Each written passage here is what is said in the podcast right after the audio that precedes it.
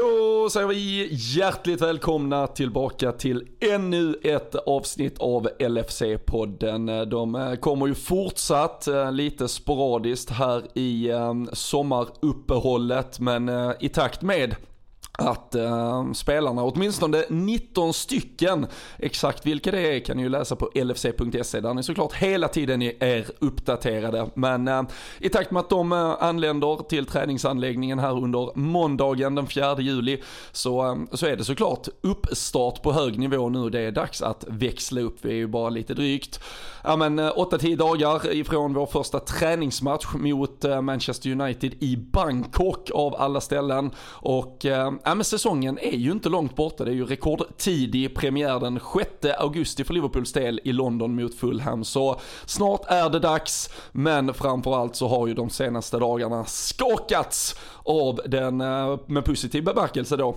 nyheten att eh, Mohamed Salah skriver ett nytt kontrakt med Liverpool. Så vi har såklart eh, mitt i lite sommarsemester dammat av utrustningen. Vi har till och med dammat av Daniel Forsell så han sitter redo på andra linan. Så eh, ger vi er lite sommarspecial här innan vi helt om någon vecka går in i uppladdningen inför den kommande säsongen.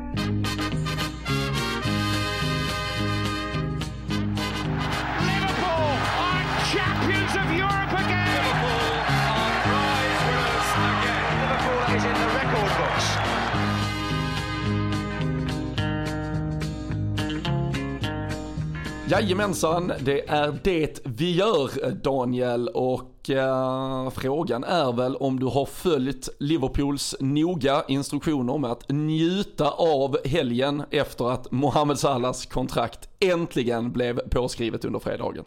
Det blev ju en eh, bra fredagskänsla där i alla fall när det kom eh, framåt eftermiddagen. Så att det var väl eh, Det var vältajmat. Vi pratade ju tidigare eller vi har väl skojat lite om att det skulle mycket väl kunna komma med en sån nyhet på sista dagen av av transferfönstret bara för att hålla modet uppe. Men fredagar funkar ju lika bra tänker jag inför helgen. Och hälla upp eh, något gott i, i glaset och solsken som det var då som det inte är numera här i runt, runt landet men eh, nej det, det var väl fina nyheter får man säga. Det var väl den man eh, pusselbiten som vi liksom suttit och, och väntat på framförallt som inte var riktigt ditlagd den känns det som. Eh, även om man inte visste om den skulle komma nu under sommaren då. Men eh, nej, det var Det var gött att Salah Stays och la sig ner i någon solstol där och bara blicka ut över horisonten. Det skulle varit bredvid bara. Lite, lite gåre känsla såg det ut som. Men jag fick ta Jag fick ta Boråsvädret. Det var, det var fint då som sagt i alla fall. Ja, nej men precis. Eh, jag vet inte hur, eh, hur han eh, du följade för när man nu tittar i, i backspegeln så kan vi ju konstatera att hans ibland då lite frispråkige agent Rami Abbas Issa han ju ut, var det drygt mm. två timmar, en timme kanske innan den officiella bekräftelsen med ännu en sån där skrattgråtande emoji och det tog ju hus i helvete. Jamie Carragher var en av de mer profilstarka kanske som var ute och kommenterade på det men såklart alla ja, men stora supporterkonton och så vidare var, var där ute och tyckte att nej men nu får ni fan ge er, det här är inte schysst liksom. Och sen så kom ju då repliken i form av den här citerade tweeten från Liverpool officiellt och eh, sen då alla eh, ytterligare tweets med all information om vad det var som hade skett där under de senaste timmarna. Men eh, hur, hur hängde du med? Han du bli skitnervös och förbannad igen? Eller hur gick din fredag eftermiddag till?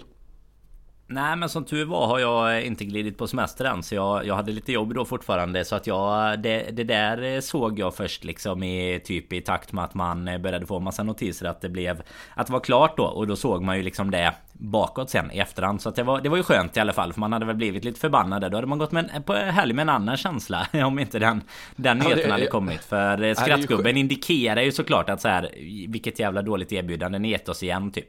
Alltså det, var, det är ju det man tänker att den ska, ska ligga bakom. Jag vet inte, fick du, fick du upp den notisen innan du anser något om Salah Stays eller? Nej, jag, jag hann inte det. Jag stod i, stod i en av alla dessa eh, långa ehm, flygplatsköer som vi, som vi hör om ehm, konstant eh, den här sommaren. Så jag det var eh, faktiskt eh, du som jag tror jag hade ett, eh, ett sällskap framför mig och skulle väl starta incheckningen när, när du skrev Salla Stays i vår lilla chattgrupp. Jag hade varit, det var, det var fem minuter innan det officiella Fem minuter ja. innan det officiella släppet ungefär va? ja, ja, som vanligt, som vanligt såklart. Ja, jag fick eh, Ward, Ward skicka i lo lokala WhatsApp-gruppen att ja. eh, nu, nu kan du släppa det till podden. Ja, jag vet inte. Eller så kanske du hade gjort som jag såg. Li, mini, mini potentiellt gräv från uh, Pelle Enberg på supporterklubben där på LFC.se tydligen. Getty Images som, uh, som äger rättigheter till ja, men bildbanker och massvis med bilder. De hade ju daterat de här um, signeringsbilderna, alltså när de sitter um, på, och där ute ja, och skriver på ett kontrakt till 19 juni. Va, vad det eventuellt må, må säga, det, det, det, vet jag inte, men um, det kan ju vara att det har varit klart ett tag och att det är, samtidigt så har jag sett ganska färska bilder på att han semestrar på Mykonos. Så det, det var väl lite snack ifall de här bilderna är tagna på Mykonos också sådär. Så jag, jag, jag gräver inte jättemycket i, i just de delarna. Men jag kan så här i efterhand konstatera att det var ganska skönt att inte var en av dem som han hugga på den tweeten och, och skriva mm. någon eh, lång jävla harang om eh, hur den här situationen ser ut och um, att den inte är värdig att uh, se, uh, skötas som den, som den sköts och så vidare. Utan um, det var, det var väldigt, väldigt skönt att för en gångs skull vara i lite radioskugga och så komma rakt in i um,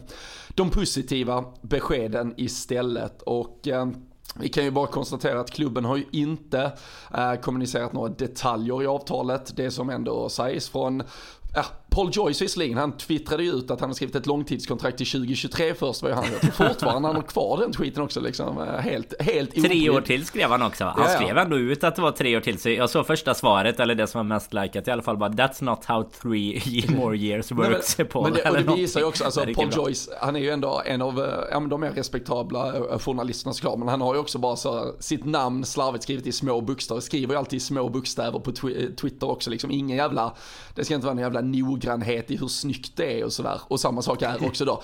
Postat ut helt fel uppgift, eller det, alltså det är ju ett slarvfel såklart, men inte brydd nog till att korrigera det utan liksom, ah, de fattar väl vad jag menar ungefär.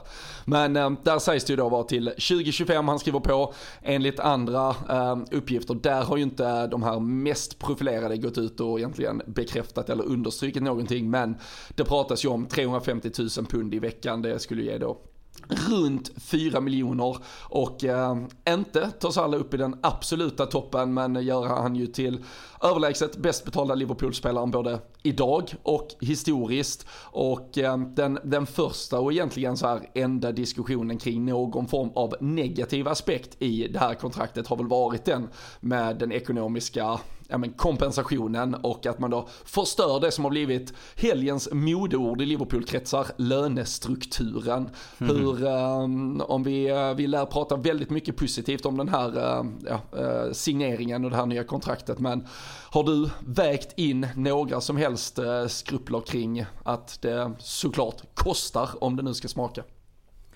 Nej men egentligen ingenting. Alltså vi har ju diskuterat det i i långbänk känns det som i och med att man har pratat mycket om kontraktssituationen både egentligen kring Salla men, men även kring andra nyförvärv och sådär och, och det, det är väl bara att inse att man behöver och, och slanta upp lite för att eh, man ska kunna behålla de bästa spelarna. Jag menar när, när alla de här kom eh, för eh, flera år sedan liksom så var det ju inte alls samma situation utan nu sitter vi ju som en klubb på toppen liksom och ja, och måste konkurrera med City och eh, Real och alltså den typen av klubbar jämfört med att vi Vi liksom jagade en Champions League-plats och, och mer hade kanske som mål att etablera oss inom eh, topp 4 på nytt eh, som vi, som vi var förr liksom och sådär. Så att Det är väl så att det, det måste få kosta lite. Och sen eh, Sen kan man väl tycka utan att man liksom sitter och spelar med sina egna pengar så förstår man ju att det såklart... Eh, eller fast jag ska lägga in en liten brasklapp där att det faktiskt är mina pengar för det är medlemspaketet Robin. Jag vet ju att du, eh, att du inte eh, köper fullmedlemskapet i,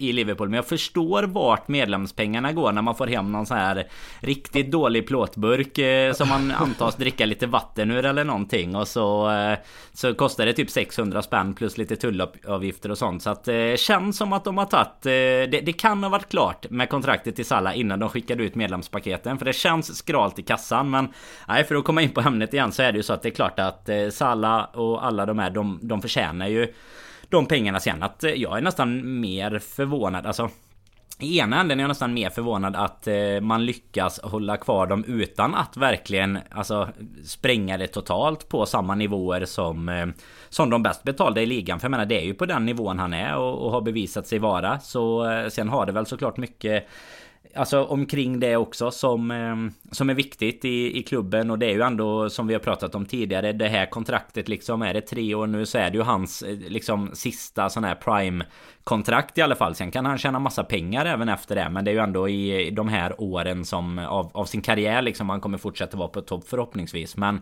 sen, sen är det såklart en fråga vad som vad det gör för eh, andra spelare. Jag tror inte att man går och jämför lönekuvert liksom på, på träningsanläggningen direkt. Men det är klart att i förhandlingar så kommer väl eh, andra spelare kunna vilja dra upp sina, sina löner på liksom samma sätt. Det är väl där, eller nyförvärv och så vidare. Men det är ju ändå... Jag ser det inte som ett problem. Jag tror inte att harmonin i, i truppen förändras av det liksom. Nej, och där, eh, jag, jag skrev lite om det på, på LFC.se också i, eh, i helgen här och där tror jag för det första om man säger det, jag tror spelarna som är i klubben är sådana, ja men totala proffs och de, de lever i den här cirkusen. Så de, de förstår uh, vad det handlar om och de förstår marknadsvärden. Och varför vissa spelare tjänar som de gör och vissa, varför vissa tjänar som, som andra gör och så vidare. Och för Virgil van Dijk så, så kanske det inte är läge just nu att få liksom, ett nytt kontrakt med 4 miljoner. Det, det, kan vi gå in på lite hur det ser ut med de här kontraktssituationerna. Men om han ändå tjänar sina 2 miljoner i veckan och så kan han välja mellan att fortsätta tjäna 2 miljoner i veckan och spela med Mohamed Salah och så kan han välja att tjäna 2 miljoner i veckan och inte spela med Mohamed Salah. Oavsett vad Mohamed Salah då får i sitt lönekuvert mm. så känns ju det som ett, ett ganska enkelt val ändå. Så jag, jag tror inte man ska vara så, så himla rädd över det. Alltså jag, jag hade ju valt, alltså det, det tror jag alla arbetsplatser där du eventuellt dessutom, spelarna här har ju bonusar de kan tjäna eller vad som helst och de vill vinna titlar. Du vill ju såklart att din arbetsplats har ett så, liksom, så starka kollegor som möjligt och så länge dina kollegor bidrar otroligt mycket så bryr du dig inte skitmycket vad de tjänar så länge du såklart känner att du är i relation, alltså dugligt. Um, avlönad också.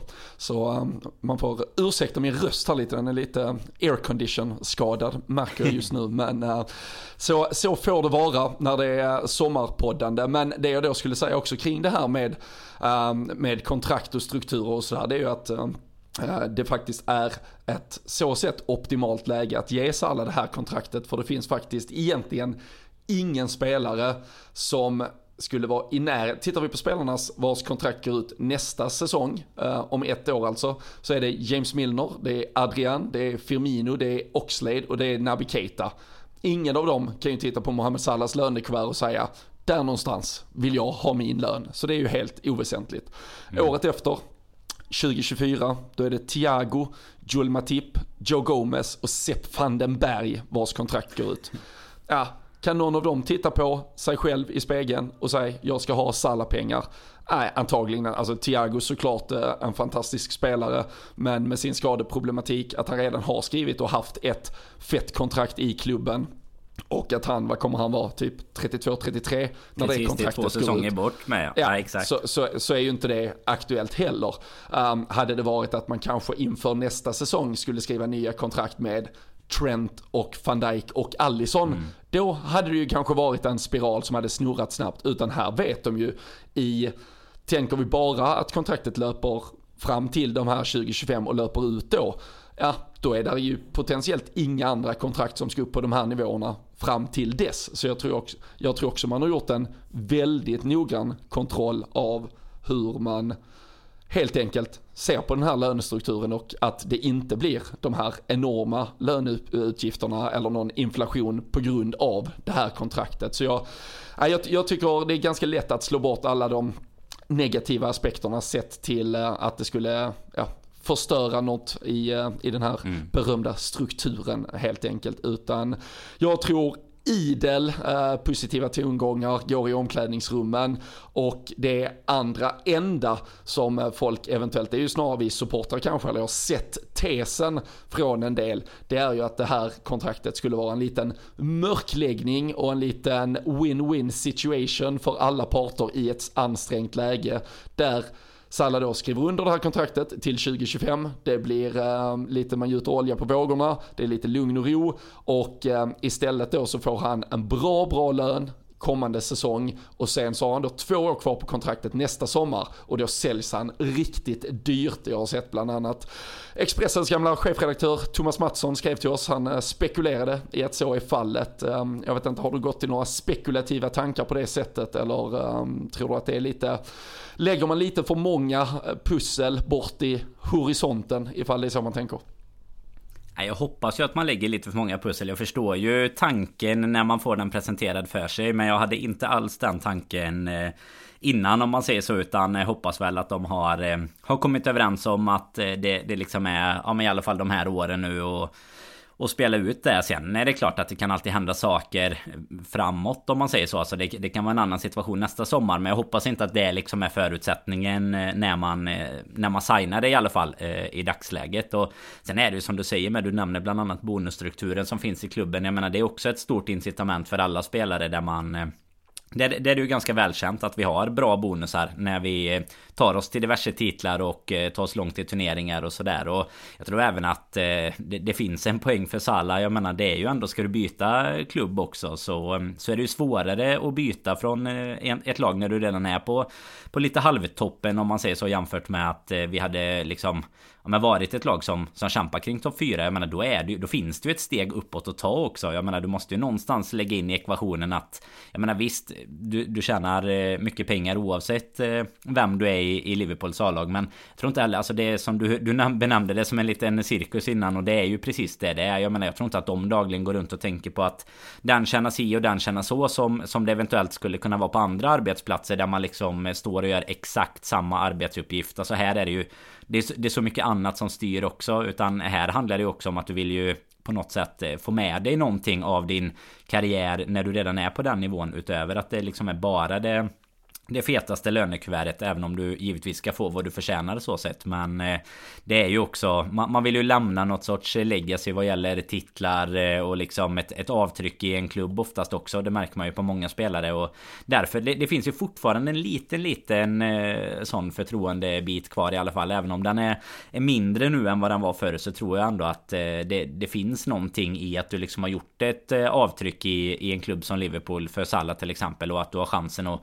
fortsätta bygga på det här med två, tre år till nu. Eh, hoppas jag i alla fall då att det inte blir. Då får det fan, då får det vara riktigt gott om pengar som går ut i något, eh, i något, i något ännu bättre sen. Men nej, jag vet inte. Det är klart, det är ju en eh, men det ska alltid finnas lite teorier. Någon, får man kalla det en konspirationsteori? Den om att han ska skriva ah, på känna bra och säljas. Jag vet inte. Men ja, det, det, är ju jobbigt. Det är tungt om det är en sån... Om det redan idag är liksom så här, du ska ändå säljas nästa sommar. Det märker ja, och, vi när säsongen sparkar igång. För det kommer vi se på plan i så fall.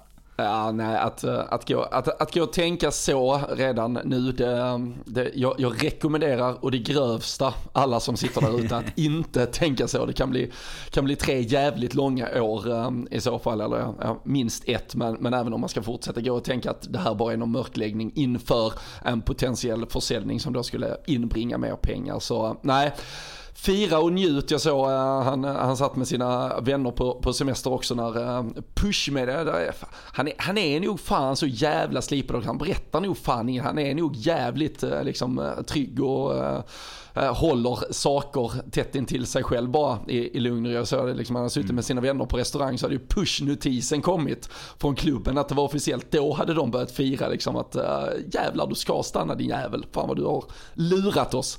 Typ. Eh, så, och jag tycker också man säger alltså, om vi nu nämnde van Dijk, han var väl den första att, att svara på liksom, tweeten med den här klassiska in, in, instämmande, nickande, njutande, härliga GIF-filen. Så, så han var ju hur nöjd som helst. Harvey Elliot, det tror jag vi, vi nämnde väl i, i, i podden här för någon någon veckor sedan att han stod där på, på bussen um, vid paraden och bredvid Salla och visade att äh, han, han signar kontraktet nu ska ni veta. Och um, det, han fick ju rätt och, um, och där, där har du också en situation med egentligen en spe- om man nu tror att spelare bara är individualister så hade ju såklart Harvey Elliots chans att få spela första lagsfotboll i Liverpool kunnat öka om Mohamed Salah inte spelade. Men det är ju klart att det inte är varenda spelares prio utan i jättemånga fall så är det ju såklart jättemycket häftigare att få spela med världens bästa mm. fotbollsspelare, vara en del av ett lag där världens bästa spelare finns. Och det är ju där du också får titta på de här 350, vad, vad blir det då? Han ökar sin lön med 2 miljoner Ish, inte exakt, men ungefär 2 miljoner i veckan. Ja, vad har vi då? Det är 100 miljoner om året. Stannar han de här tre åren, ja då har vi betalat 300 miljoner för att ha världens bästa fotbollsspelare. Eller ja, en av topp fem världens bästa fotbollsspelare. Hade vi sålt Salah och fått ja, en OK-peng, vi skulle köpt någon annan och försökt ersätta och tro och hoppas att vi skulle få samma leverans. Det är ett jävligt farligt spel vi skulle spela med potentiell risk att vi bränner mer pengar på en lösning som hade varit klart mycket sämre. Så um, jag tror bara det finns vinnare um, i den här i den här lösningen. Och eh, jag tycker att varenda Liverpool-supporter bara ska, ska fortsätta eh, på, eh, på, på den då presenterade vägen av, av Liverpool att njuta av, av det vi fick vara med om då i, i samband med att han skrev på kontraktet i fredags, eh, vad som väntar framåt, allt han redan har gett oss. Um, det, det, var ju också ett alltså han kom till en klubb 2017 som med nöd och näppe hade tagit sig till Champions League. Nu är han i en klubb som har spelat tre Champions League-finaler på fem år, där han är högst bidragande till att ständigt dra oss mot titel efter titel. Och det jag tycker att man måste fråga sig nu är ju med potentiellt tre år kvar minst i klubben, med potentiellt ett par titlar under bältet, så kommer vi ju nog diskutera om nu blir, om det blir slutdestination 2025, att var det här den absolut bästa spelaren som har spelat för Liverpool Football Club?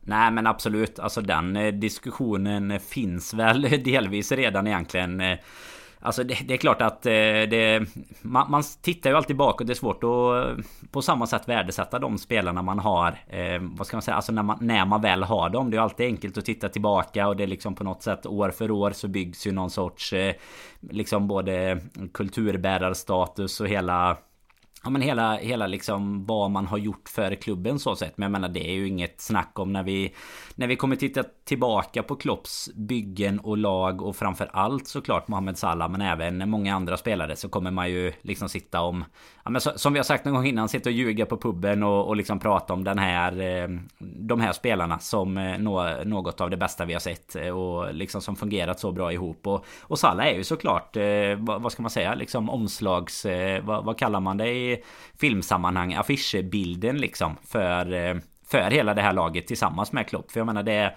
det är ändå han som, eh, som gör alla de här målen och, och liksom han som har varit med i de här avgörande lägena och sådär. Så att det är klart att det kommer diskuteras som, som en av de absolut största i, i historien. Det är ju utan, utan tvekan egentligen.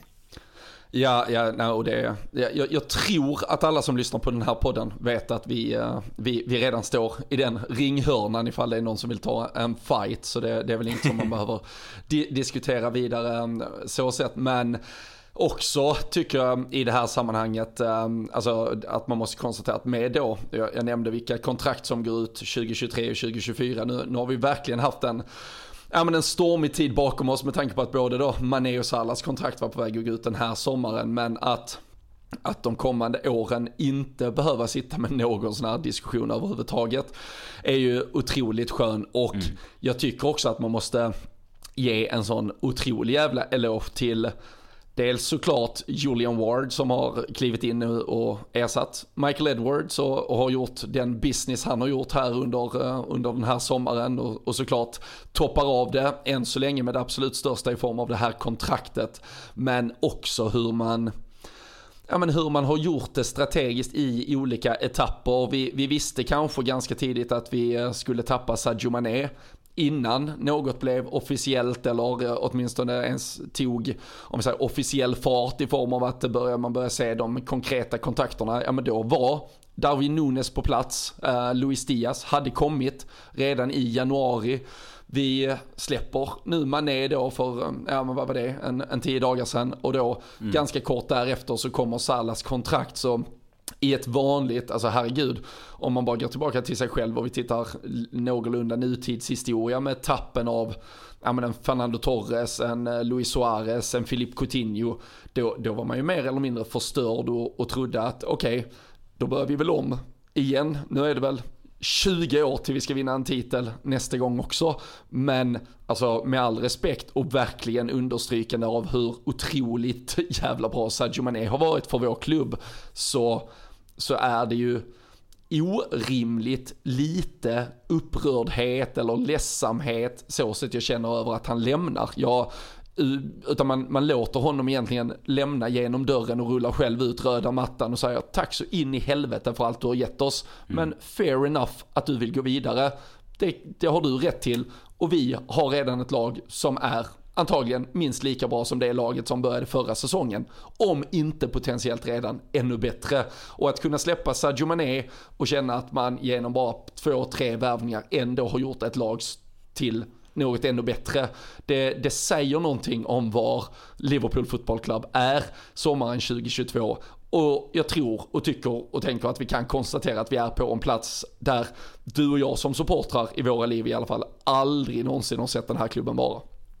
Nej men så är det ju. Alltså, som du nämner bara med Mané där så är det ju en eh, det, det är ju också ofrånkomligen så att vi kommer ju behöva växla av lite. Vi kommer behöva göra en, en typ av generationsväxling och man eh, man kan ju inte förvänta sig att tyvärr man hade gärna sett Firmino och Salah Mané bara fortsätta i, i hundra år till liksom. Men, eh, men så är det ju inte och Firmino är ju redan, nu är ju han kvar i klubben och, och det pratas väl till och med om att det eventuellt kommer att, att bli nytt kontrakt ganska snart för honom med. Du hade ju med honom där bland, bland de som eh, ändå kommer att gå ut inom ett par år här. Men jag menar då hamnar ju han snarare i den rollen som att han, han kommer att fylla på från bänken och där är han ju Känslan är väl redan att han är lite där liksom. Så att eh, Det är ju inte det är ju inte konstigare än så. Jag menar då, då är det ju det här vi har pratat om truppbredd. Att vi har fyllt på då äh, egentligen precis samma känsla som du kring Mané där. Jag menar det är ju Det var mer när nyheten kom att så här, ja, jag det, man var mer besviken så här. Va? Vill, vill han lämna till Bayern liksom? Snarare än att så här vad, vad det gjorde för, eh, för klubbens del. I och med att det började ju lite så här. Det, det började ju nästan som att det skulle kunna bli en liten smutsig historia när han lämnade. Nu blev det ju inte det precis som du är inne på. Man kan Man kan liksom bara stå och applådera honom hela vägen ifrån eh, Anfield och in i, i München istället och så ehm, Och så går man vidare därifrån. Och, eh, och jag menar den Den känslan hade det ju inte riktigt varit om man också hade liksom blivit av med en Salah till exempel. Nu kommer istället nyheten ganska strax efter. Han signerar nytt. Vi har gjort lite värvningar sådär så man känner ju inte att vi är i en sämre i en sämre position egentligen eh, någonstans. Och sen eh, Sen när vi ändå pratar om det så får vi även nämna att Minamino lämnade och, och även han applåderar vi ut även om om han fick lämna lite mer via bakdörren än vad, vad eller Mané fick men eh, En fin insats framförallt i kupperna förra säsongen då men eh, ja, Samma Ja sen känner man ju såklart ska man sitta och raljera så kan man ju känna att han hellre hade varit kunnat vara kvar än vissa andra. Men, men det är klart det ligger annat bakom det med när alltså, spelarna det, det, handlar också, det, handlar, det handlar också om att det ska finnas en klubb som vill ha dem Danne. Och där har Precis. vi några spelare som, som vi, får, vi, får, vi får behålla ett tag till antagligen. Lite så, lite så är väl tyvärr känslan. Och sen lite vad man kan få ut eh, för dem om de väl ska lämna. Och sen såklart också spelarnas egna situationer. Jag vet det var väl du som, ja nu var jag tvungen att fundera i, i liveinspelningen. Men det var väl du som skrev just tweeten också om att han, eh, att han kom liksom till oss när och sen slår det liksom ut en en pandemi, han kommer ensam Exakt. utan att kunna språket jättebra och hela den biten. Och det är klart att det är svårare att också akklimatisera sig. Och jag menar Klopp pratar ju bara Bara jättegott om honom så sett. Så det, det är ju inga problem där utan det är väl snarare att han, han behöver kanske en utmaning på en Han behöver ta liksom ett ett litet steg ner igen för att kanske återkomma till liksom toppnivån återigen. Jag menar han har ju verkligen levererat när han väl har fått chansen. Så det är inte det det handlar om egentligen utan det är ju så att det, det, är bara Det klassiska så är det bara 11 spelare som kan spela och eh, det är ju också gäller ju att kunna hålla dem Bredvid nöjda också. Det är ju det som är som Klopp har eh, Alltså de har lyckats så bra med det nu klubben lite som du säger. Det är ju det som gör att vi har hamnat på En position där vi känner att det inte är ett jätteproblem att en av våra Liksom ett av våra större namn lämnar och det är ju eh, ja, men få förunnat och eh, verkligen ett lyxproblem i, i sammanhanget såklart.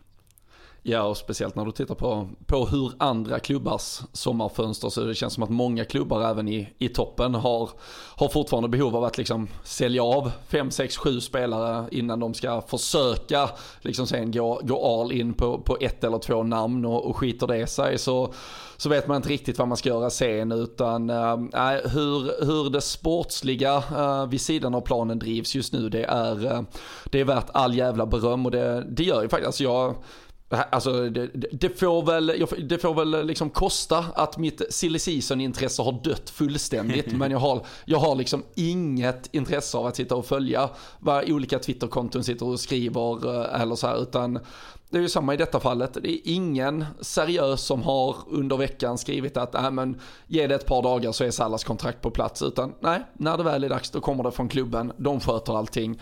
Vi kan bara, vi kan bara luta oss tillbaka och skita i allting. Utan låt dem lösa det. Sen det jag har tänkt lite på när man, när man ser såklart eh, avskeden. Man, det, alltså, det är ju, jag, jag tycker ju de flesta i vårt lag just nu och, och truppen i stort är är väldigt älskade och eh, vi fans ger dem verkligen den kärlek de ja, men de också har förtjänat. Men, men det blir ju alltid så, som i Sadio Mané-fallet, så här när de sitter på intervjuerna efter och berättar om sina, ja, men sina favoritmål och allt de har fått uppleva. Och man ser sen alla lagkamrater som skriver vilken ära det har varit att få spela med honom. Och, och Salah skriver liksom att han är, han är den bästa. Och det var väl något klipp från Mané när han var nere och spelade landslagsfotboll, att han ville hälsa till sin uh, African brother uh, Salah och så här. Utan, alltså där finns ju det, det, är så synd att det ibland såklart för att fylla lite eh, tabloidpress och annat måste målas upp och att sociala medier till stor del är en sån rutten jävla ankdamm där man ändå vill hitta ja, lite problem och lite svarta sidor hos någon och någon som är lite på det sättet. Eller ja, men han verkar vara jävligt problematisk med ditten och datten. Utan,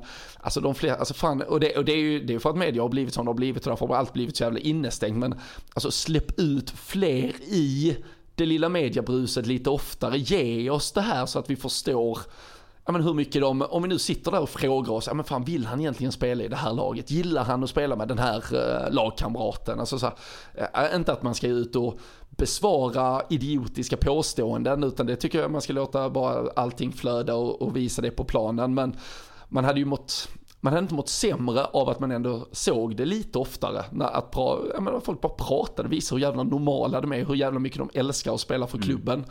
För, för ibland blir det såklart en, en lite robotliknande relation. De, de ska ut och spela match var tredje jävla dag också. Vi ställer så jävla höga krav på dem så jag förstår att man inte riktigt pallar det. Men, uh, men det hade varit skönt ibland att man inser det nästan alltid när någon vinkas av att de har varit helt otroliga. liksom, jag, jag, vill inte hamna i en sån situation med till exempel Salah, att man när han väl lämnar klubben efter åtta år och har vunnit allting, så inser man först då att jävlar ja, fan vad han har älskat att vara på Merseyside de här åren. Utan vi ska nog förstå det redan nu att eh, de här spelarna älskar sin tillvaro jävligt mycket och uppskattar det. Och det så vi. Så Divock Origi fortsätter med The Divock Origi Scholarship. Kanske något för dig att söka Danne. Börja plugga lite i Liverpool. Men äh, även, att, även att spelarna knyter sådana band och de, mm. de älskar ju faktiskt att vara där. Det, de, är, de är inte bara äh, liksom maskiner i den där cirkusen utan äh, de, de tycker nog ganska mycket om sin fotbollstillvaro också. Ja det nämnde väl eh, Mané också i, i den intervjun du nämner. Han har ju både, både så här, typ mitt, eh, mitt hus är ju kvar i, i Liverpool och jag kommer ju Jag vet ju redan nu att jag kommer rusa ifrån någon match och eh, vad var det han sa? Typ rusa från ja, set, någon match set, med Bayern set, och hoppa in i omklädningsrummet och kolla hur det har gått för Liverpool liksom. Alltså så jag, är, jag är number one fan ungefär. Så att det, ah, det såg after, du after inte. The fan, after the fans. After ja. the fans. Nej just det, men, men det såg du inte. Alltså, Nej, jag tänkte säga det är också bara en sån jämförelse med hur, hur det var förr liksom. För att då såg du aldrig Alltså det, det är ju också någonstans där att du, du är på den nivån. Jag menar det, det var ju aldrig några förberedda så avskedsintervjuer med spelare som du bara skeppar ut. Jag menar anledningen till att det här silly season intresset som du säger har också svalnat av totalt med med liksom, alltså du kan ju se en graf typ där liksom klubbens välmående och hur bra vi är går upp och lika mycket går ju silly season intresset ner och det har ju att göra med att det var ju alltid någon typ av hopp liksom på sommaren. Bara, oh, ska vi värva honom? Eller ba bara vi värvar dem så kommer vi ju kunna komma topp 4 och så. Nu är man ju mer på en nivå där man inte känner att så här och jag värvar vi någon så, så är det ju alltid trevligt men, men man känner inte att man så sitter och suktar efter att det måste behövas och sådär. Och det, för många känns det som att det till och med blev lika stort liksom som själva det spelmässiga. För det tog ändå slut i typ oktober. Så här, ja, vi har ingen Champions ja, men då kunde man känna, liksom hela det. Man, man, kände, Då kunde man känna att man vann någonting i juli mm. typ. Att ja, men vi värvar ju den där spelaren som även typ Fiorentina ville ha. Det var väl ungefär de spelarna vi krigade med. Nej men det är ju alltså så här, Manchester United-supportrar kommer ju aldrig, de kommer ju ha sin bästa stund på typ åtta år ifall de värvar Frenkie de Jong i sommar mm. innan han ens har spelat en enda sekund. Det kommer vara den största sekunden i deras, ja men deras nästan senaste tio år som supportrar. Och det, är, alltså det är ju inte för att raljera utan vi var ju på exakt samma ställe och det var ju verkligen, att få in en ny spelare var ju det var ju på, vi hade ändå större kanske möjlighet att få in en häftig spelare än att vinna en titel. Så det fick mm. man ju någonstans hänga upp supporterskapet på.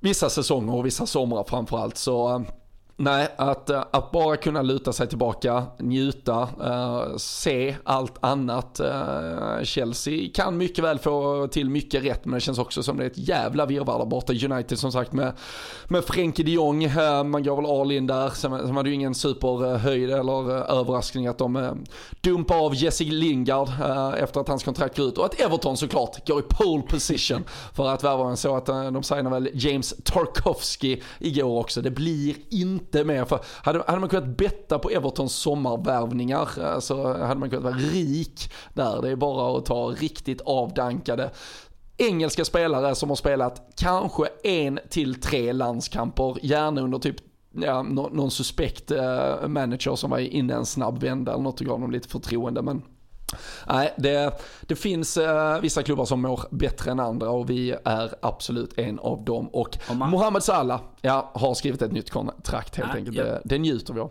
Jag tänkte säga med Robin, om jag ändå ska söka Origis eh, scholarship där så kanske du kan hänga med och jag vet ju att du är, du är färdig, eh, vad kallar man det, diplomerad, jag vet inte, men ekonom här nu också. Jag menar då kanske du kan åka med till, eh, ja, göra en liten insats för Manchester United. För jag vet inte, men alltså det är ju inte bra att släppa en spelare, värva tillbaka honom för en miljard och sen behöva släppa honom igen. Eller är det, är det business? Jag, jag, jag, eller vad är, är, det, vad är det för betyg på den affären tycker du? Jag, tror inte man behöver examineras som ekonom för att, för att konstatera. Hur är det nu? Om vi släpper någon för, om jag säljer något för noll kronor, köper något för en miljard kronor och sen säljer det igen för noll kronor. Har jag gjort en bra eller en dålig affär?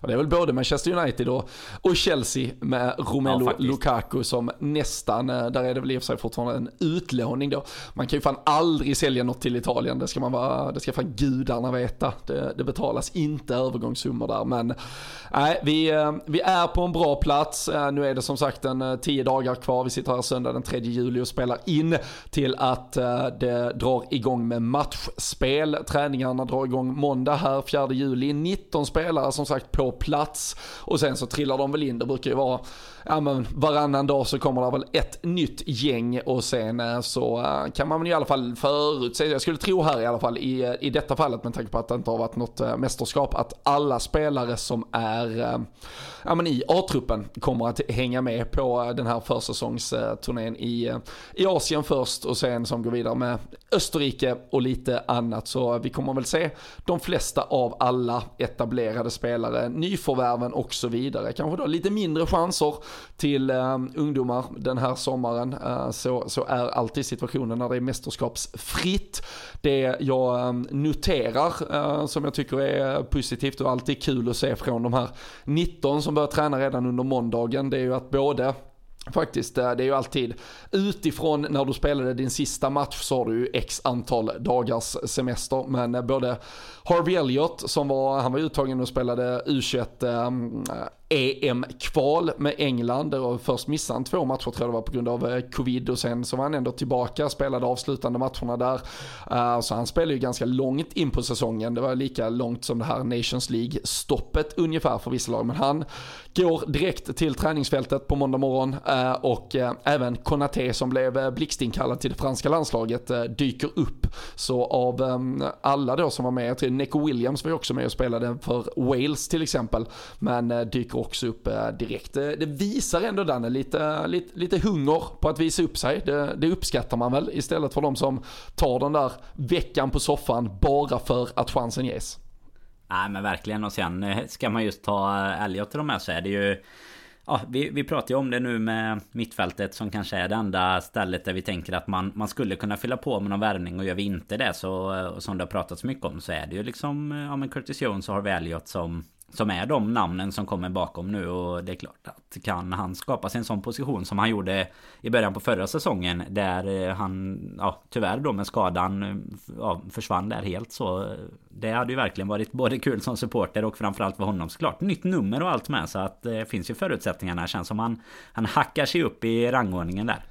Ja, man har ju eh, man har lite bekymmer här med, med grabben. Han hade, köpte ju en Harvey Elliot 67-tröja eh, i vintras. Så nu ska den uppdateras. Det får vi se om man drar en faktura direkt till Harvey kanske. Tar han jag på, han har inte, på han Instagram har kanske. Han har inte släppt Nej. någon sån eller det är ju rätt många som brukar göra det faktiskt på tal om eh, ingenting Men eh, det är ju Det är ju ändå så ibland att säga okej okay, nu ska jag byta nummer Alla som har inom senaste året typ har köpt min tröja Det är bara att skicka tillbaka den typ Kanske man kunde fått en liten Vad hade han helst då ja. tror du? En Harvey Elliot autograf på 67an eller ny med 19? Uh, han hade nog tagit en ny, han är helt såld på fotbollströjor. Det blev, uh, införskaffades Englands landslagsdräkt uh, igår. Jag sa, vilken spelare ska du ha på den då i så fall om du, nu, nu köpte han utan tryck men då, mm. han, han, skulle, han skulle ha Gerard på den i så fall. Så han är, han är ah. väl, väl, väl uppfostrad. Ja det kan, man ju, det, det, kan man acceptera. Det, det svaret ja. smälter ju lite pappahjärtat va? absolut, absolut. Sen får vi säga där på tal om nummer, jag tänkte på det ifall Luis Diaz, om han ska behålla 23 eller om han är lite sugen sugen på, på tian annars. Mm. Att, att ha tian ledig när uh, man går in inför de sista dagarna på transferfönstret. Kanske till och med vår silly puls stiger där. Men vi, vi får se, vi får väl återkomma i det ämnet och se om vi, om vi orkar engagera oss uh, framåt sluttampen. Ja, frågan om det ska komma in någon tia i alla fall. Det känns ju som att det är det, det sätter ju lite krav om man ska gå in och ta den direkt. Så kanske hellre, eller som du säger, någon av dem som, Jude Bellingham, som har Jude ett Bellingham. lite högre. Jude Bellingham kan väl ta den? Ja, till exempel. Ja. Det, hade väl, det hade väl kunnat funka. Ja, då hade till och med, tror jag till och med att eh, grabben hade kunnat trycka Bellingham på sin ja. Englandströja i så fall. Ja, fint. Takti taktiskt att ha den eh, otryckt ett litet tag till innan eh, fönstret är slut såklart. Ja, fy fan. Det kan ha varit att han råkade nämna Phil Foden i förbifarten också. Det var inte, det var inte lika poppis. Men eh, så är det, så är det, så är det. Eh, men eh, nej, nu de står och bankar här på mitt hotellrum. har det varit lite brusigt så, så kan det vara för det är lite spring i korridoren. Men nu är det tydligen städning så jag blir utkastad Danne. Så jag får stänga av, stänga ner. Men jag tänker väl att inför att laget drar till Asien eller i samband med det och inför United-matchen där omkring så är väl vi tillbaka med nästa avsnitt och sen därifrån så växlar vi upp det till mer eller mindre. Vi ska ju ta, eller vi, vi slår slår ju lite följe då i, i efterhand på, på laget när vi också sticker ner till Asien. Så då eh, ska vi sitta tillsammans och podda och dricka singa och ha det gött. Så vi, eh, vi har massa kul kvar innan eh, sommaren är över och säsongen väl startar. Men tills dess, tills vi hörs nästa gång så önskar vi alla en fortsatt underbar sommar här. Njut av att Sala stays och sitta inte och bli konspirationste eller sprid konspirationsteorier. Ni behöver inte oroa er just nu åtminstone. Njut av sommaren. Vi hörs och ses eh, snart igen.